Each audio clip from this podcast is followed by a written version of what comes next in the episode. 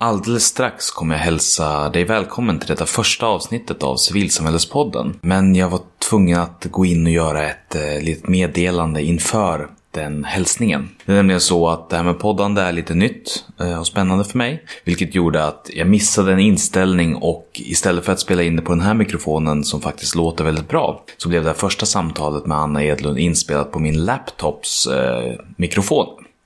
Den som är inbyggd. Därför eh, så är ljudet alltså ganska dåligt, men jag hoppas att du ska stå ut ändå och njuta av samtalet, för det är väldigt intressant. Men jag kommer alldeles strax prata mer om det och ni kommer att få höra mer om podden i sig. Men först, vignett. Sverige är ett land som är byggt av folkrörelser. Ja, men det är bra. Nu håller vi på att röra oss i rätt riktning, känner jag. Och vi vill lyfta fram de unga kandidaterna till styrelsen. Vad vi utgör precis nu, det är en gryende folkrörelse. Om en grupp av människor har en gemensam intresse, då kan de bilda en förening. Välkomna till Trögfattarföreningens årsmöte.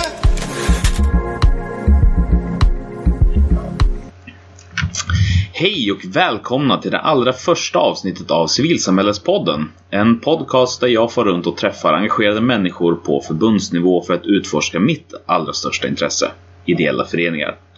Jag heter Charles Metzma och till vardags så hittar ni mig som förbundssekreterare i Sverok, Spelhobbyförbundet, eh, som också är Sveriges största ungdomsförbund.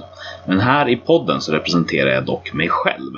Följ mig gärna på diverse sociala medier. Ni hittar mig som Charlieboy med eh, alltså T-J-A-R-L-I E-B-O-Y. Och i varje avsnitt så träffar jag eh, då som sagt en företrädare för en annan organisation.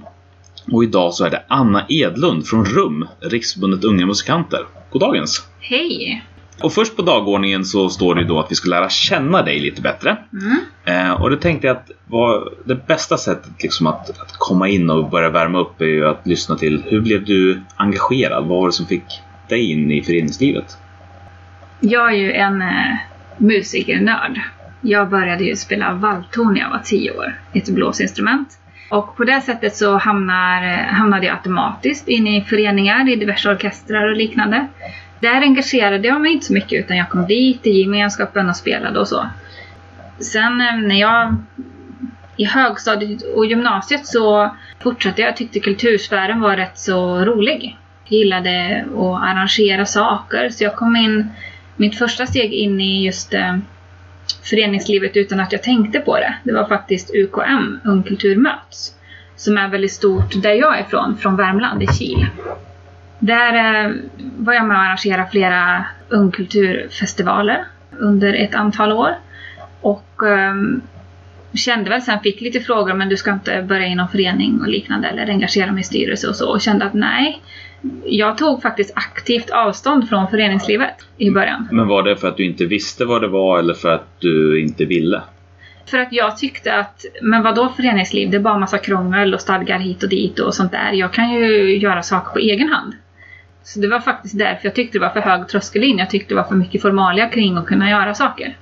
Eh, Jag tyckte det gick snabbare att sitta själv med några kompisar och planera och arrangera en festival och så blev det av nästa år.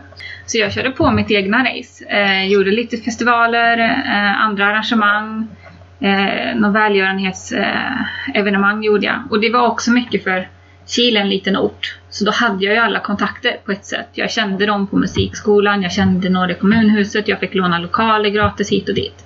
Så jag tyckte det var jättesmidigt så. Sen så kom jag till en nivå i slutet på gymnasiet skulle jag väl säga.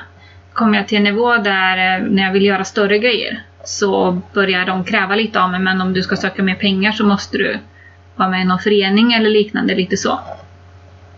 Det, det var rum som jag engagerade mig i som eh, först så eh, i just föreningslivet. Och där blev jag inslängd på ett sätt att vi eh, det bjöds in till ett distriktsårsmöte i, ja, i Deje. Och vi hade hört att det skulle vara jättegod mat till det. Så vi var tre kompisar som drog dit. På det, på det distriktsårsmötet blev jag vald till eh, valberedning. Visste knappt vad det var. Men eh, jag sa väl ja till det. Ett år senare så får jag då samtal av eh, Rum Värmlands distriktsordförande. Om, ja men du är valberedare. Och nu ska vi snart ha årsmöte igen. Och jag bara, jaha, ska jag göra något till det eller vadå? Ja, egentligen. Men nu är det ju så att vi har en plats vakant i styrelsen. Så det enklaste är ju att du själv går med i styrelsen. Så behöver du inte leta någon annan. Så på det sättet så kom jag in i min första styrelse. Och därifrån eh, gick det jättefort. Jag hoppade på ledarskapsutbildning vi har i rum som heter Spets. Året efter det så blev jag invald i förbundsstyrelsen och här sitter jag idag. Okej, så det är från den här distriktsstyrelsen så är det hur många år sedan nu då? Eh, det måste... Kan det vara 2010? Jag tror det var, för jag gjorde, jag gjorde lumpa som musiker 2009, så under det året så var ju allt stopp i engagemang. Det var ju bara fokus på musiksoldat då. Och jag tror att jag inte var med i de Värmlands styrelse då. Så det måste varit efter där. 2010. 2011 kanske. Och då har du varit förbundsordförande för RUM nu i... Jag är inne på mitt tredje år. Ja. Men det är ju alltså, mitt engagemang i rum gick ju fort för jag har ju varit engagerad innan. Inte då inte i föreningsliv. Men då var det så lätt att hoppa in i det här. Eh, och samtidigt som jag pluggade på universitetet, pluggade kulturvetare i Karlstad, så tyckte jag att det räckte inte med det som jag pluggade på universitetet. Så då ville jag göra någonting praktiskt i mina studier också. Och då blev det föreningslivet. Och då blev då var det rum som fångade upp mig. Och det är ju därför varför jag började UKM från början var för att jag blev uppfångad där också. Så allting har handlat om att någon har fångat upp mig och mitt engagemang. Och det är därför jag har hamnat i rum. Det skulle egentligen lika gärna kunna varit, ja, inte vilken organisation som helst självklart. Och eh, rum ligger väldigt nära mig eftersom jag är, är musiker och det är där jag har blivit uppfångad från början. Så det var ju väldigt naturligt i rum. Men jag skulle inte vara förvånad om det varit något annat förbund heller. Nej, det hade ju inte varit helt... Nu vet jag ju att du spelar brädspel lite Ja. då och då så det hade lika gärna kunnat vara i Sverok. Alltså tänk om Sverok hade varit eh, eh, mer aktiv i, rum, i Värmland. Så kanske jag skulle blivit uppfångad av Sverok. Mm. Jag vet inte. Men vad skulle du säga var den största skillnaden då mellan att bara vara eh, arrangerande och sen ta klivet över till liksom det organiserade förening, förenings, föreningandet? Före, Ja, att vara föreningen. engagerad. Men föreningslivet, att Ja. liksom, den strukturen. Alltså, det är ju mer på ett sätt, mm, jag ska säga administrativt eller organisatoriskt. Eh, Jag tycker det är jättekul nu. Och det, det är det jag vill göra nu. Och det var nog att eh, jag gjorde lite kortare projekt eh, när jag var yngre. Var nog för att det var det jag hann att fokusera på då också samtidigt som skolan och liknande. Så, så det är ju att eh, när jag bara gjorde, när jag bara, alltså när jag gjorde små projekt då, då var det under en kortare period. Jag, jag engagerade några få personer under den tiden eller samtidigt som då. Eh, ledde en kör som jag engagerade på det sättet och så. Så det var ju mer, det var ju egentligen en, nu ska vi se. När jag tänker efter nu så var det egentligen långsiktigt. Jag tänker med kören, vi gjorde olika konserter och så. Kören var ju långsiktig, den hade jag under tre år. Men vi gjorde mindre småprojekt under tiden. Och visst, kören var ju förening, men jag var inte eh, i den styrelsen eller så, utan jag drog i våra konserter och välgörenhetskonserter och så. Så den största skillnaden i ditt engagemang var då protokoll eller inte protokoll? Ja, jag tror det. Det måste ju bara vara det som på ett sätt sk- skilde. I princip. Nu känner jag väl mer också, och det är också eftersom jag är förbundsordförande i RUM, så är ju ledarskapet en större grej än arrangörskapet. Arrangörskapet var kul förut. I ledarskapet ska jag ju leda andra också. Så det är också skillnaden än vad jag ser nu. Och det blir ju det automatiskt tycker jag. När du sitter i en styrelse eh, så blir det ju ledarskapet mer i fokus än bara arrangörskapet. Det har blivit det för mig i just föreningslivet i alla fall. Kan förvisso sakna arrangörskapet en del, för jag gör ju inte det på samma sätt nu. Men eh, det är aldrig för sent för det i framtiden heller. Nej. Det är ju inte, inte alls ovanligt, det har jag upplevt, att människor går, alltså pendlar mellan de olika nivåerna i en organisation. Mm. Därför att, men ibland efter några år, jag brukar eh, förenkla att dela upp det ibland i att liksom, antingen så bär du stolar eller så sitter du och tänker. Och efter att du suttit och tänkt i några år, ja men då, då lockar det här med att bära stolar igen på ett annat sätt. Kan jag själv uppleva Ja. i alla fall. Det, jag håller med dig.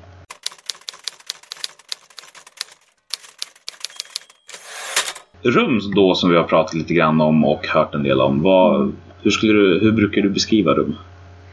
Jag brukar beskriva RUM som en eh, eh, ungdomsorganisation med medlemmar som eh, håller på med musik och kultur. Det främsta för oss är, eller våra flesta medlemmar, spelar något instrument eller sjunger eller liknande. Vi har också många medlemmar som håller på med annan kulturanknytning eller kulturutövning. Eh, då oftast är de eh, medlemmar i en elevförening i en kulturskola. Och varför vi, vi har haft den här diskussionen mycket är vi musik eller kulturorganisation. Men vi är ju, kan ju mest musik och det är jättekonstigt att säga att vi är en kulturorganisation. Vi gör inte en lika bra teaterfestival som musikfestival.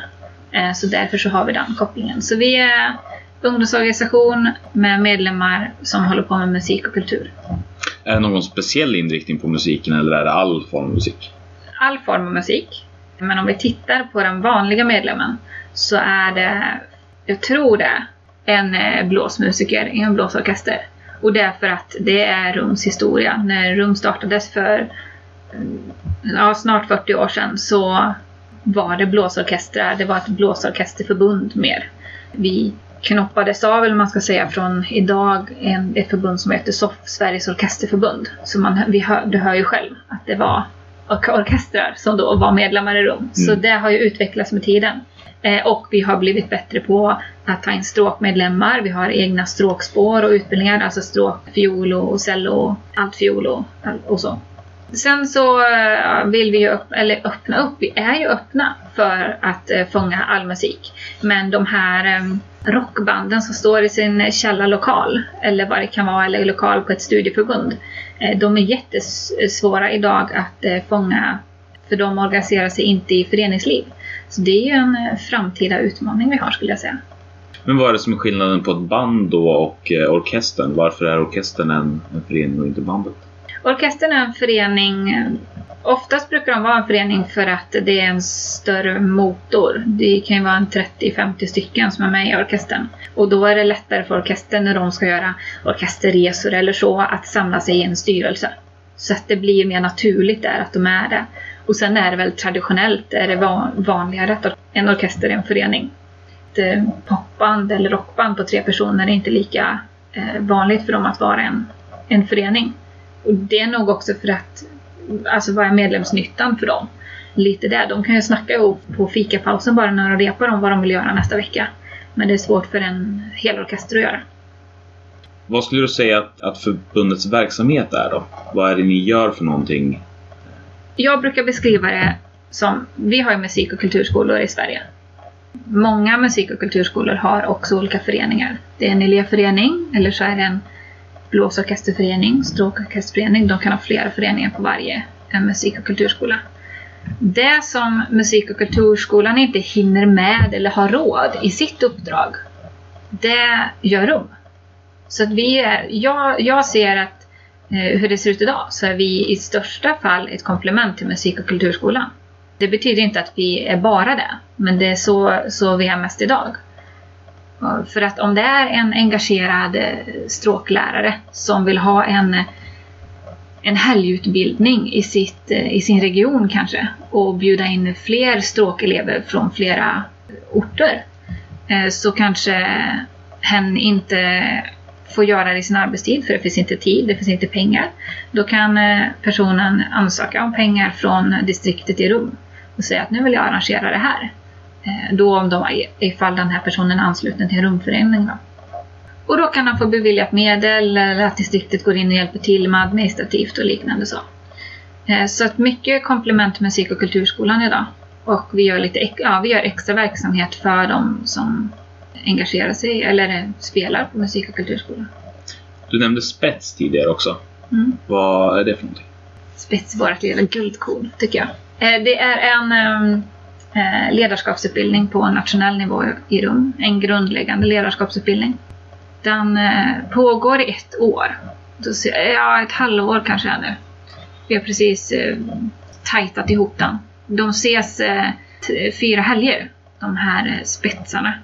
Varje år har en grupp spetsare, som vi kallar det då. Och då är det mellan 10-15 personer som går den här utbildningen och det är ju unga, unga i rum som då troligen har tagit klivet, klivet mot distriktsstyrelsen, alltså från en medlem till att vilja engagera sig mer i förbundet. Och då vill vi hjälpa in dem, alltså lotsa in dem, hur funkar det i styrelserna och, och få dem att våga ta lite högre positioner i styrelsen. Så det är en grundläggande ledarskapsutbildning som eh, är väldigt populär i vår organisation nu. För att det ger verkligen. Det var ju så jag blev indragen på ett sätt. Det är lätt att fånga upp personer genom den. För då ger vi verkligen någonting och vi ser de lär sig om sig själva och vi lär oss om dem, hur vi kan kanalisera deras engagemang sen och liknande. Alla förbund har ju inte egna interna utbildningar för sånt här. Vad skulle du säga blir eran för, eller fördelen för era medlemmar med att ha just den själva? Vi har faktiskt diskuterat det här väldigt mycket. Ska vi köpa in ledarutbildning eller ej? Eller ska vi fortsätta med våran spets? Och vi har ändå i vissa, ibland när, ekonomin går sämre så har vi alltid haft kvar spets. Eller ledarskolan som vi kallar det för vi gör, vi gör mer än bara spets. Och det är för att vi tror på att vi verkligen når medlemmarna. Alltså, nej men om vi arrangerar den här utbildningen då ser de verkligen att det är rum. Det är mycket rumfokus på den. Det är inte det att vi snackar rum hela tiden men vi har ju samma intresse eh, som går utbildningen. Vi är i våra lokaler. Ja, alltså det blir en gemenskap i förbundet. För att det är ju de sen på våra stämmor som sitter uppe hela nätterna och snackar. Eh, som känner varandra. Det är till och med över årskullarna om vi kallar det så. Spets som gick 2013 och som går 2016 sitter och hänger på kvällarna. Det blir en väldigt stark gemenskap att ha kvar det. Som vi har sett är väldigt viktigt för oss just nu. För att fånga upp fler unga så, engagemangen. Mm. Mm. Spännande. Vi kommer nog rulla in mer på vad, eh, vad rum är i temat sen också. Men jag ville bara rent formaliamässigt, hur många medlemmar är ni idag? Vi är 40 000. I hur många föreningar? Ungefär 400. 400. Mm. Det är ganska många medlemmar. Mm. Det är väl, eh, jag må hävda tredje eller fjärde största förbundet. Ungdomsförbundet. Beroende på hur man räknar eller vilka år man räknar och så. Så det... Vi har nog inte fattat hur stora vi har varit innan. Vi börjar förstå det nu. Eh, mer och mer. Och känner att vi kan, jag vet inte, men eh, att vi kan använda vår styrka i att vi är stora på flera olika sätt när vi pratar med viktiga personer eller vad man ska säga, politiker eller beslutsfattare. beslutsfattare. Så fint, just det. När vi pratar med beslutsfattare. Men har ni, har ni varit stora länge eller är det någonting nytt ni har växt fram till? Eller har ni legat? Vi har varit stora länge. Det har legat runt 35 till 40 000 i alla fall alla år jag har varit engagerad i rum. Och det leder också in på min nästa fråga, den, alltså bara för att få lite en känsla av temperatur. Skulle du säga att ni som organisation just nu förvaltar, förnyar, utvecklar eller stagnerar? Vi har precis påbörjat förnyelsefasen skulle jag säga. Ja. Mm. Vi har varit i förvalta ett tag nu. nu det, det märks eh, i förbundet att någonting håller på att hända. Och det är kul. Det är, också utman- det är också läskigt för man vet inte vad, men det är kul. Men vad, vad är det som har dragit igång den här processen då? Nej men det känns, som det ser ut idag så har vi två stämmor per år. Det är lite speciellt. Vi har precis lagt fram en motion att vi ska gå tillbaka till en. Men det finns en bra tanke med att ha två. Vi ses, of, ses ofta och sådär. Och då märks då, och då är det lätt att se en snabb utveckling. Hur ser det ut i förbundet eftersom vi träffar delegaten eller medlemmarna så ofta. Och då märker vi på just de bara tre senaste eh, stämmorna skulle jag säga. Höststämma, vårstämma och höststämma förra året också att medlemmarna säger, eh, säger sina åsikter mycket mer, diskuterar mycket mer. Det är viktigt för dem på stämmorna att ta tid till att diskutera handlingar. Eh, de ställer sig i talarstolen mer. Vi har inte alls varit vana vid att folk ställer sig i talarstolen. Det väl, har skett väldigt sällan i vårt förbund. Och, och, nu görs det verkligen. Och det är så kul. Och eh, det är alltifrån unga till vuxna till nya medlemmar till gamla medlemmar och liknande. Så det märks att eh, det håller på att hända någonting och nya idéer börjar komma in.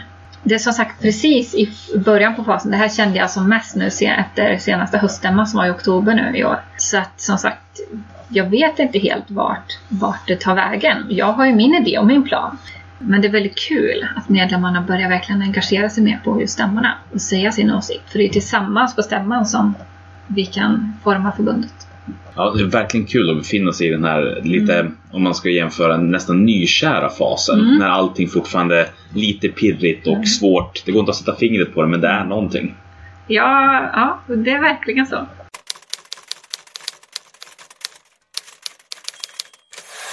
Näst på dagordningen så står ju då ett tema. Mm. Det vill säga att eh, du har fått välja någonting, alltså ett ämne kopplat till förening, folkrörelse eller engagemang på något sätt. Som, eh, som du känner att du eller ni har liksom bättre koll på. Eh, Och det du valde var ju då att fånga upp engagemang, alltså både rent generellt men också i en i generationsväxling. Vad, vad tänkte du när, när du valde det temat? Det har väldigt mycket med hur jag som ordförande leder. För att, eller ut, också utan att jag tänker på det. Jag, I de här åren som jag har varit ordförande så har det varit viktigt för mig att fånga upp engagemang. Allt ifrån att jag ska fånga upp min egna förbundsstyrelse, vad är det de vill fokusera på och engagera sig i, till att fånga upp helt nya medlemmar som jag ser eh, då är det de jag råkar se som har potential. Det finns ju många fler än det också, men just de jag ser som vill nå mer, de har verkligen fånga upp dem. Och det bottnar också i att det var ju så jag kom in i föreningslivet eller i kultursfären eller allting. Ja, det började ju med att jag blev uppfångad när jag började spela valthorn av min lärare. Det var när jag provade instrument så var det ju inte det jag skulle spela, jag visste inte ens vad det var. Men då fångade han upp mig. Inte för att jag var bra, för jag, jag ska, har inte kapacitet att bli musiker, det har jag redan provat. Men um, han fångade upp mig för att jag hade ett engagemang för det instrumentet. Så det är ju hela grunden till varför jag eh, också tycker det är kul med föreningslivet. Och, och, och när du säger då fånga upp, vad är det rent konkret du menar fånga upp? Är det att någon frågar eh, Hej, vill du vara med? Eller är det mer handfast att liksom, någon lyfter in en i ett styrelserum? Vad... Jag skulle säga både och. Det, det är viktigt också att tanken är inte att fånga upp bara in till styrelsen. Utan det som har varit viktigt för mig är att jag vill fånga upp engagemang i rum och kanalisera engagemanget. Det betyder att om det är någon som verkligen är sån här snabb på bollen och jag märker att den här vill att det ska hända någonting nu, nu, nu. Ja, men då har vi till exempel startat en kommunikationskommitté som jobbar väldigt eh, handfast med saker. De har inga protokoll eller liknande utan de vill jobba med rumskommunikation på nationell nivå. Eh, och jag märkte att det var ett gäng som ville det. Så att under tiden eh, har jag öppnat upp möjligheten att det ska finnas olika kommittéer. Vi har också en jämlikhetskommitté, några som vill fokusera mer på det. Och eh, vi har också öppnat upp för att eh, just starta upp fler kommittéer för de som vill kring sitt ämne. Så det är mycket just kanalisera, här har vi medlemmar som vill någonting. Hur kan vi i rum eh, ge dem möjligheten att göra det de vill i rum? Och när du säger då alltså mer än styrelsen och mer i, i ideella grupper som arbetar på nationell nivå. Hur, hur är de strukturerade? Får, är det, kommer det människor till er som säger hej hej jag vill göra det här och du, styrelsen säger gör vad ni vill? Eller är det du som säger gör vad ni vill? Eller finns det någon form av struktur? Det finns en struktur eh, att eh, styrelsen tar beslut om vad det finns för kommittéer och vilka som är med där. Sen så sitter ju inte vi och gör intervjuer till vilka som får vara med och liknande. Vi är ju, inte- det kanske är så att om ett par år så har vi 20 stycken som vill in i kommunikationskommittén. Då måste något urval ske. Där är vi inte idag än, så där är det inte bestämt vem som gör det urvalet. Jag skulle nog säga att det borde kommittén vara med. Nuvarande kommittén vara med och göra till exempel, och inte styrelsen. Så. Men det, så hur kommittén har kommit till är ju för att de har kommit till mig och sagt ja men vi vill göra det här. Och så har jag hört mig för med styrelsen, ska vi öppna upp den här möjligheten? Och de har sagt ja, det gör vi. Och sen om kommittéerna har velat fylla på, vi informerar om det på stämmor mest, för det är där de träffas. Och eh, efter varje stämma har det nästan alltid kommit någon ny. Eh, det är just kommunikationskommittén som är eh, mest aktiv nu. Så där har de, eh, som sagt nästan vid varje kommitté har de fått någon ny. Sen har vi utbildare i ledarskolan också. Och det är också någon ny efter varje spetsår som vill fortsätta. Och, och sen från att ha varit deltagare vill de gå och utbilda sig. Och då kommer de äntligen till mig eller till våran ledarskolekonsulent och säger att jag vill fortsätta med det här och så, så tar vi det vidare. Skulle du säga att det är så att oavsett vad jag har för idé eller för dröm eller för liksom, engagemang svarar rum upp på det? Alltså jag skulle vilja göra det här oavsett vad det här är. Kan rum då ta hand om det engagemanget oavsett vad det är? Jag skulle säga ja. Vi har ännu inte stött på någonting. Nu får jag tänka lite. Vi har inte stött på någonting när någon har kommit och sagt jag vill göra det här och vi bara nej det går inte. Så att eh, så, så långt det går och att det ligger i linje och allting. Och så länge det inte är så här Ja, men om det är ett engagemang då som inte förändrar förbundet utan det ligger i linje och liknande så är mitt mål att kunna göra det möjligt om du skulle komma och säga det här vill jag göra. I alla fall då lotsa vidare. Ja ah, men okej, okay, vad bra. Och det är det som är så viktigt. Allting löser ju inte jag. Utan jag lotsar ju väldigt mycket. Det är någon som säger jag vill göra det här. Ja ah, men snacka med den personen, snacka med det här distriktet. Gör si eller gör så. Så brukar det hittas vägar till, till det mesta. Är just den där skicka runt-biten viktig? Men jag skulle vilja säga så här att eh, jag skulle kunna få en fråga. Ja men jag skulle vilja göra det här projektet eller jag skulle vilja utveckla det här. Jag vet inte vad nu. Eh, jag har inga konkreta exempel, men någonting. Och jag känner att nej men det kan inte vi göra på förbundsnivå. Det, det går inte. Eh, jag skulle kunna stoppa där och säga nej men tyvärr det går inte. Men det jag hellre vill göra, då, då går jag hem och tänker hmm, hur ska vi lösa det här? Är det någon i organisationen som gör det här? Jag kanske pratar med min personal.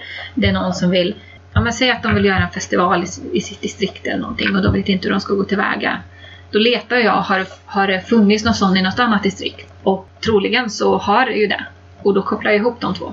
Och det är ju ett sätt att, att fånga engagemang och kanalisera. Även om det inte är på förbundsnivå eller nationell nivå så har jag ändå hjälpt till att koppla, koppla ihop. Men det jag uppfattar som, som du ändå säger som viktigt då för att, för att just kunna fånga upp engagemanget. Dels att, att ingenting någonsin är omöjligt.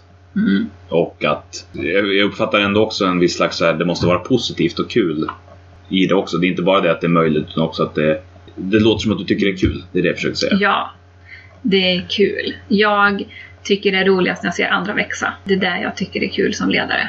Att eh, se att andra hittar sina engagemang i vilken organisation som det egentligen är. Privat när jag snackar med kompisar och de ah, jag skulle vilja göra någonting och jag tipsar om andra organisationer och liknande. Så att det är ju det jag brinner för.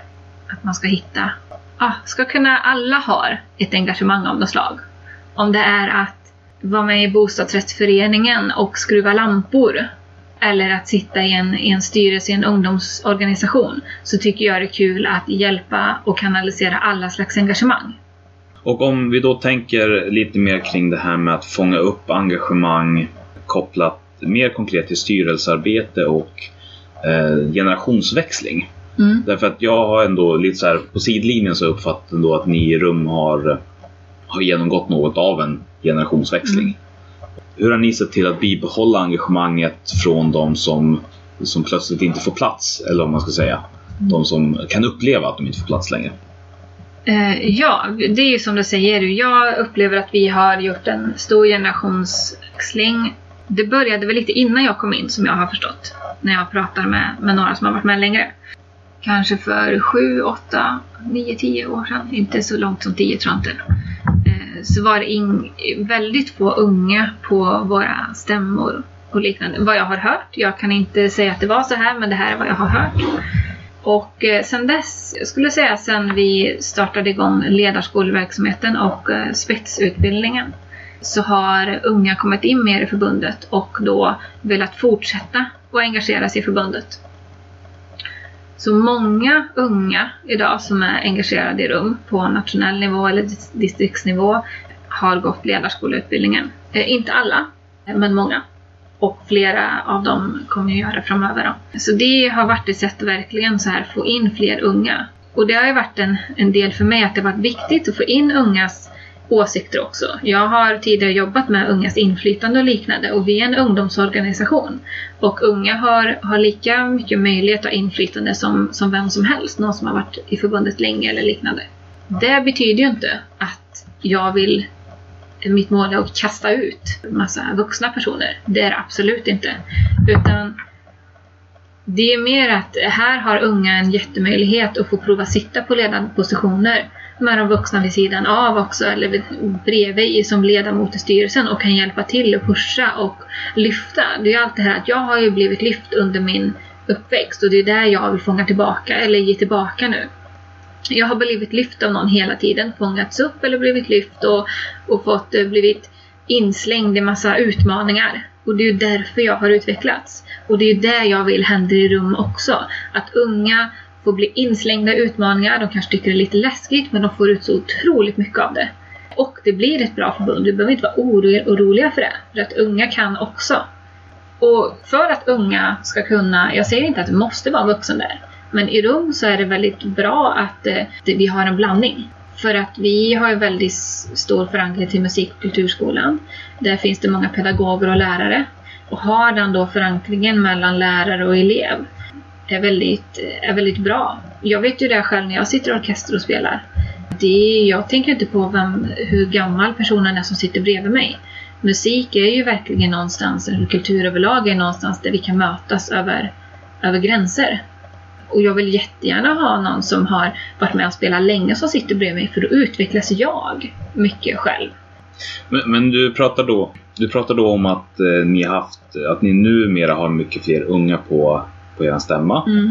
Hur har ni handskats med, att, med de som inte får plats, om vi ska säga så? För att jag har ändå en upplevelse av att engagemang ganska mycket är kopplat till möjligheten, eller i alla fall upplevd möjlighet att påverka. Och om då den upplevelsen av att men nu är det här inte min plats längre, hur gör ni för att rent konkret få de här människorna att stanna kvar och göra det här lyftandet som du pratar om? Jag försöker ju då att få dem att, att se till, eh, alltså som jag ser jag tycker det är häftigt att se när andra växer. Och det är lite det perspektivet jag vill ge dem. Men stå här och se vad ni gör för dem och, eh, och se hur andra växer. Elevföreningar vi har där vi jobbar med elevdemokrati i en musik och kulturskola. Där kan det vara så att många personer byts ut väldigt fort. Och då är det inte fel att ha en pedagog till exempel som är med i styrelsen också som ändå blir någon um, vad kallas? Kontinuitet. Ja, precis. Kontinuitet. För att eh, själva föreningen ska bli stark i sig. Sen kan verksamheten vara olika från år till år. Men just att det här föreningen och det rullande bandet ska löpa på. Att ha den kontinuiteten. Du pratar ju då utifrån perspektivet av att jag eh, tycker det är kul att liksom se människor växa och jag Men har ni någonting som organisation som inte, inte som skyddsnät men Jag har inget så här konkret, så här gör vi. Mm. Eh, Jag vet vad jag gör som ledare. Så det blir mycket utifrån mig nu eftersom det är relativt nytt i organisationen att det här sker. Och eh, det är samma sak där, fånga upp engagemang. Jag snackar gärna med, eller snackar väldigt mycket med kanske personer som, som ska avgå, kollar, pejlar, vill engagera dig på ett annat sätt, eh, finnas där. Till exempel det är några, om det är några som ska avgå i en distriktsstyrelse så ser jag till att eh, så mycket jag hinner, kolla med dem hur, hur känns det inför nästa styrelse. Ni kommer väl finnas kvar där och kunna stötta dem ifall de vill. Alltså visa på att ert engagemang har varit viktigt i, i rum. Det kan vara att personen hamnar och blir någon mentor eh, till någon nya i förbundsstyrelsen kanske. Det kan vara att personen går med i någon kommitté. Eller att de engagerar sig i någon av våra konkreta verksamheter. Vi har ju rätt så mycket verksamhet på nationell nivå också. Ja, men egentligen då mycket kopplat till så att det, för det jag hör som är ganska fantastiskt, för att jag har ju ofta hört det här, men det är viktigt att fråga. Den här första frågan, vill du vara med? Men det är väldigt få upplevare som pratar om vad vill du göra nu när du har varit med? Alltså just det här att, att kontinuerligt fortsätta ställa frågan, hur vill du engagera dig och vad brinner du för? För att min upplevelse i alla fall från, från min egen organisation och andra är just det att det handlar om att komma in och där så är du kvar så länge du, du är kvar. Lite på ett annat sätt. Om Du förstår vad jag menar? Mm, jag förstår. Och eh, självklart är det ju så att eh, vissa eh, vill ju lämna och inte vara kvar. Och det kan jag också känna av, så då kanske jag inte ställer frågan till dem. Jag märker på en del att nej men de här är, de är klara med rum. Då är de klara med rum, fine. Och om de är intresserade senare, då är det, då är det kul för oss och för dem. Eller att de engagerar sig i någon liten del. En konkret person är en som har varit i förbundsstyrelsen i, ja, hon satt väl kanske tio år. Och idag är, vi har en musikfestival, musikrum i Västerås varje år. Och där har vi en, eh, olika tävlingar och då har vi en blåsorkestertävling och hon sitter med i juryn i blåsorkestertävlingen. Så hon har fortfarande en liten fot kvar i organisationen. För att hon vill ha det. Och jag vet att hon inte vill mer. Och jag tycker det är jättekul att hon gör den delen. Men det är ju lite så med, med musik, det är svårt att släppa. det är alltid det är mycket gemenskap. Så någonstans finns alltid personen kvar. Om personen inte har varit engagerad i rum på fem år så vet jag att jag kan ändå jag vet vissa som jag ändå kan ringa ifall jag skulle ha någon fråga eller så. För att de har, det är nog det att om du säger jag och mig i rum så då, då tar du med ditt hjärta in och då släpper du inte hela hjärtat sen när du går ut. Det finns det ju säkert jättemånga som ändå gör det och det är inget konstigt men jag kommer bara att tänka på dem nu som inte gör det. De finns ju fortfarande kvar i musikvärlden oftast. Ja, men det är ju svårt att, prata, att dra generella riktlinjer för 40 000 människor. Eh, ja. ja. Men finns det någonting annat eh, du skulle vilja nämna liksom, som är viktigt som ni gör kring då att fånga upp engagemang eller som du gör kring det som inte har sagts redan? Se och våga skulle jag säga. Att jag våga släppa taget och våga nya personer, då kanske inte bara unga, men nya personer som vill engagera sig i dem. Våga låta dem prova. Och sätt inte så mycket hinder. Det, det går att lösa saker om det går lite snett på vägen så går det att lösa längs vägen. Det är bättre än att sätta stopp från början. Och har ni en, så, en sån kultur där det är okej att prova och göra fel också då? Jag skulle nog säga att vi inte alltid har haft det. Eh, men jag försöker skapa en och jag tycker att det har börjat bli så. Och det är också mycket för att jag visar att jag också gör fel. Jag gör inte alltid rätt och det viktiga för mig är inte när jag står på stämman och, och välkomnar alla att allting blir rätt. Det blir ju bra ändå.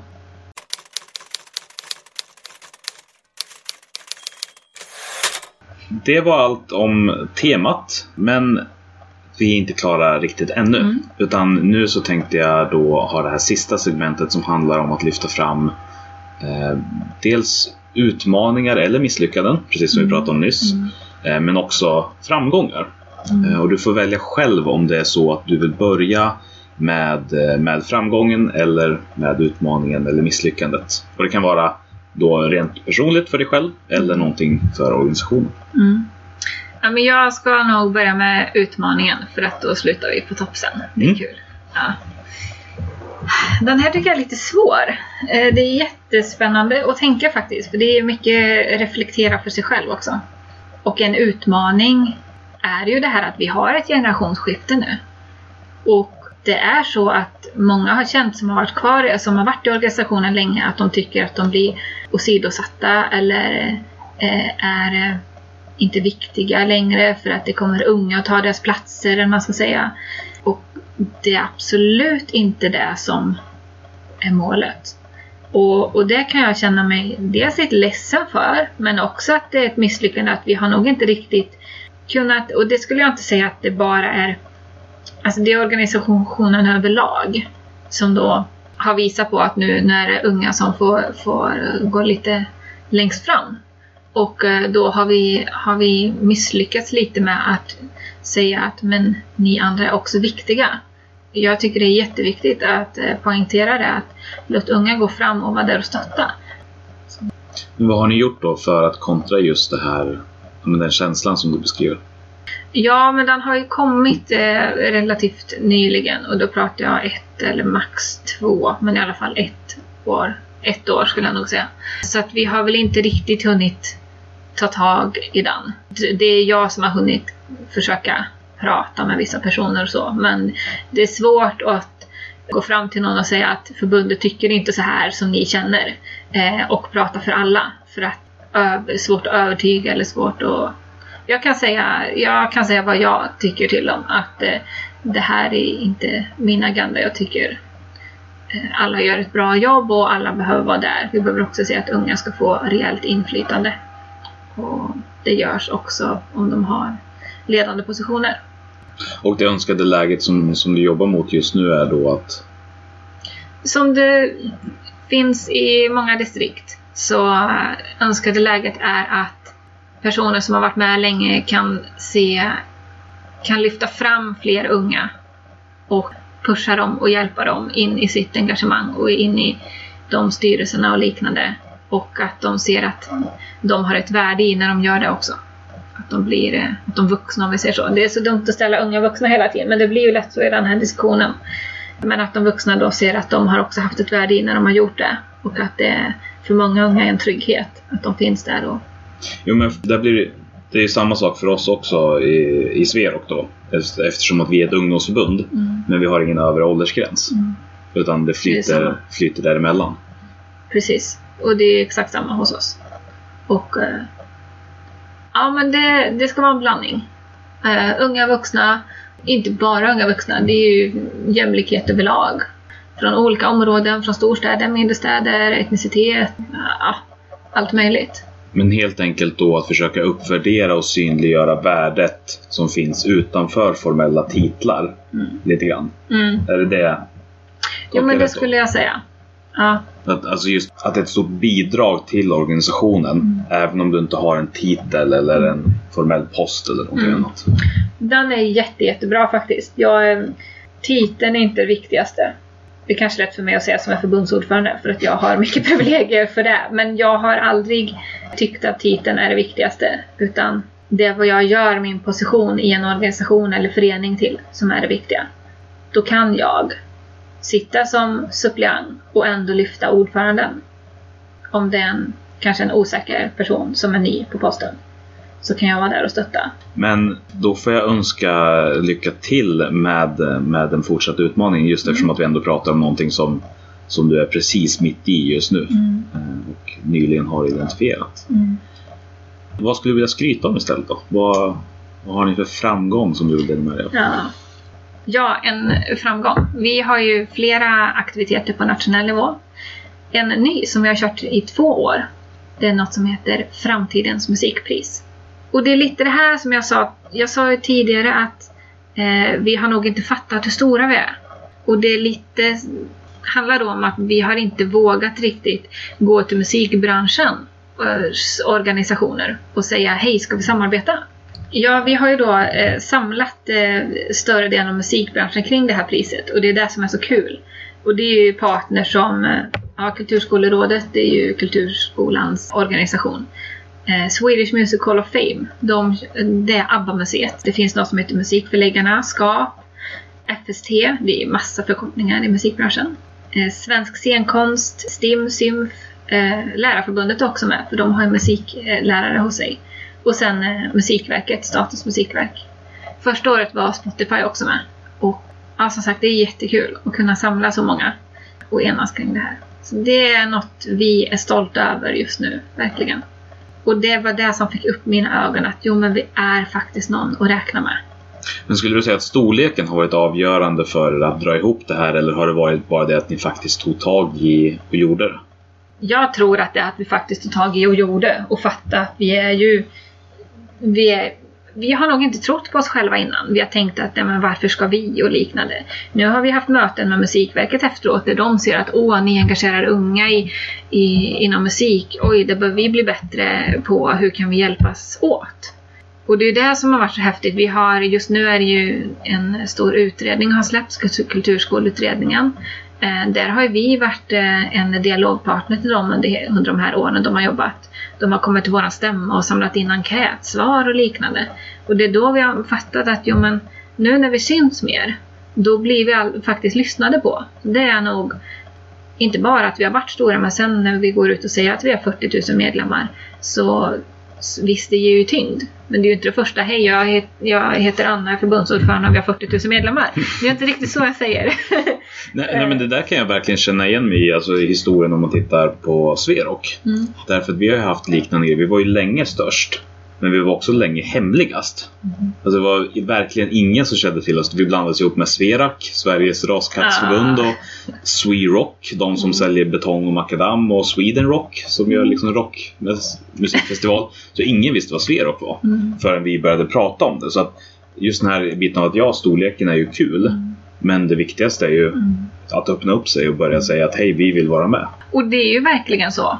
För att det är ju det som har hänt hos oss. Att nu äntligen har vi, vi har varit väldigt mycket interna. Nu blir vi externa. På ett annat sätt. Så det här musikpriset är ju något som har gjort att de syns mer också. Tillsammans med de här andra organisationerna. Som sagt, inte storleken den här gången, men bara att vi går ut och säger att vi finns. Priset måste ju betyda jättemycket för den person som, eh, som mottar det. Men vad betyder priset för er då? Det går ju tillbaka till mig själv igen, att eh, jag tycker det är så kul att se andra växa. Eh, jag har ju fått privilegiet att dela ut priset två, de här två åren. Och det är nog en av de roligaste sakerna jag kan göra som ordförande. Och, och bara se hur glada de här blir när de räcker över. Jag brukar ha eh, träningsverk i, i käkarna efter den här prisutdelningsdagen för jag har bara stått och lett hela dagen. eh, så för rum betyder ju jättemycket att, att kunna visa upp. Vi har då tre kategorier. Enastående pedagogisk gärning, nyskapande innovativt projekt och eh, bästa ungdomsinitiativet. Jag tycker alla är jättebra. Jag tycker ju lite extra om det här bästa ungdomsinitiativet. För jag har ju själv varit där. När jag var då, visst jag är ung nu och ser mig själv eh, som ungdom, men när jag var ungdom under, under 20 år. Det är sådana personer som har fått priset hittills. Och där har jag varit och vet ju vad mycket lite uppmärksamhet betyder för mig. Och då att vi i rum kan få ge den här, som egentligen för oss är lilla uppmärksamheten, är så stort hos dem. Det är ju det som är så härligt som organisation. Att få kunna ha en sån här verksamhet som bara är så sjukt rolig. Otroligt rolig. Och alla bara är glada hela tiden kring det. Jätteroligt att höra. Eh, finns det någonting som du känner att nej, men det här har, inte har du missat att fråga eller det här har jag tänkt på under tiden som, eh, som du skulle vilja lyfta på något sätt? Nej, eh, jag har nog eh, pratat på bra. Ja. Ja. Även i så fall så vill jag bara rikta ett eh, jättestort tack till dig för att du kom hit och berättade. Jättetack, det har varit väldigt kul. Ja. Mycket reflektion för mig själv också, så tack. Och jag vill också tacka dig som har lyssnat.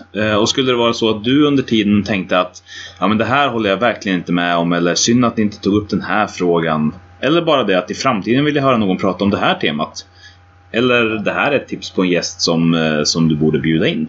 Kort sagt, oavsett vad du har tänkt dig så vill jag veta det.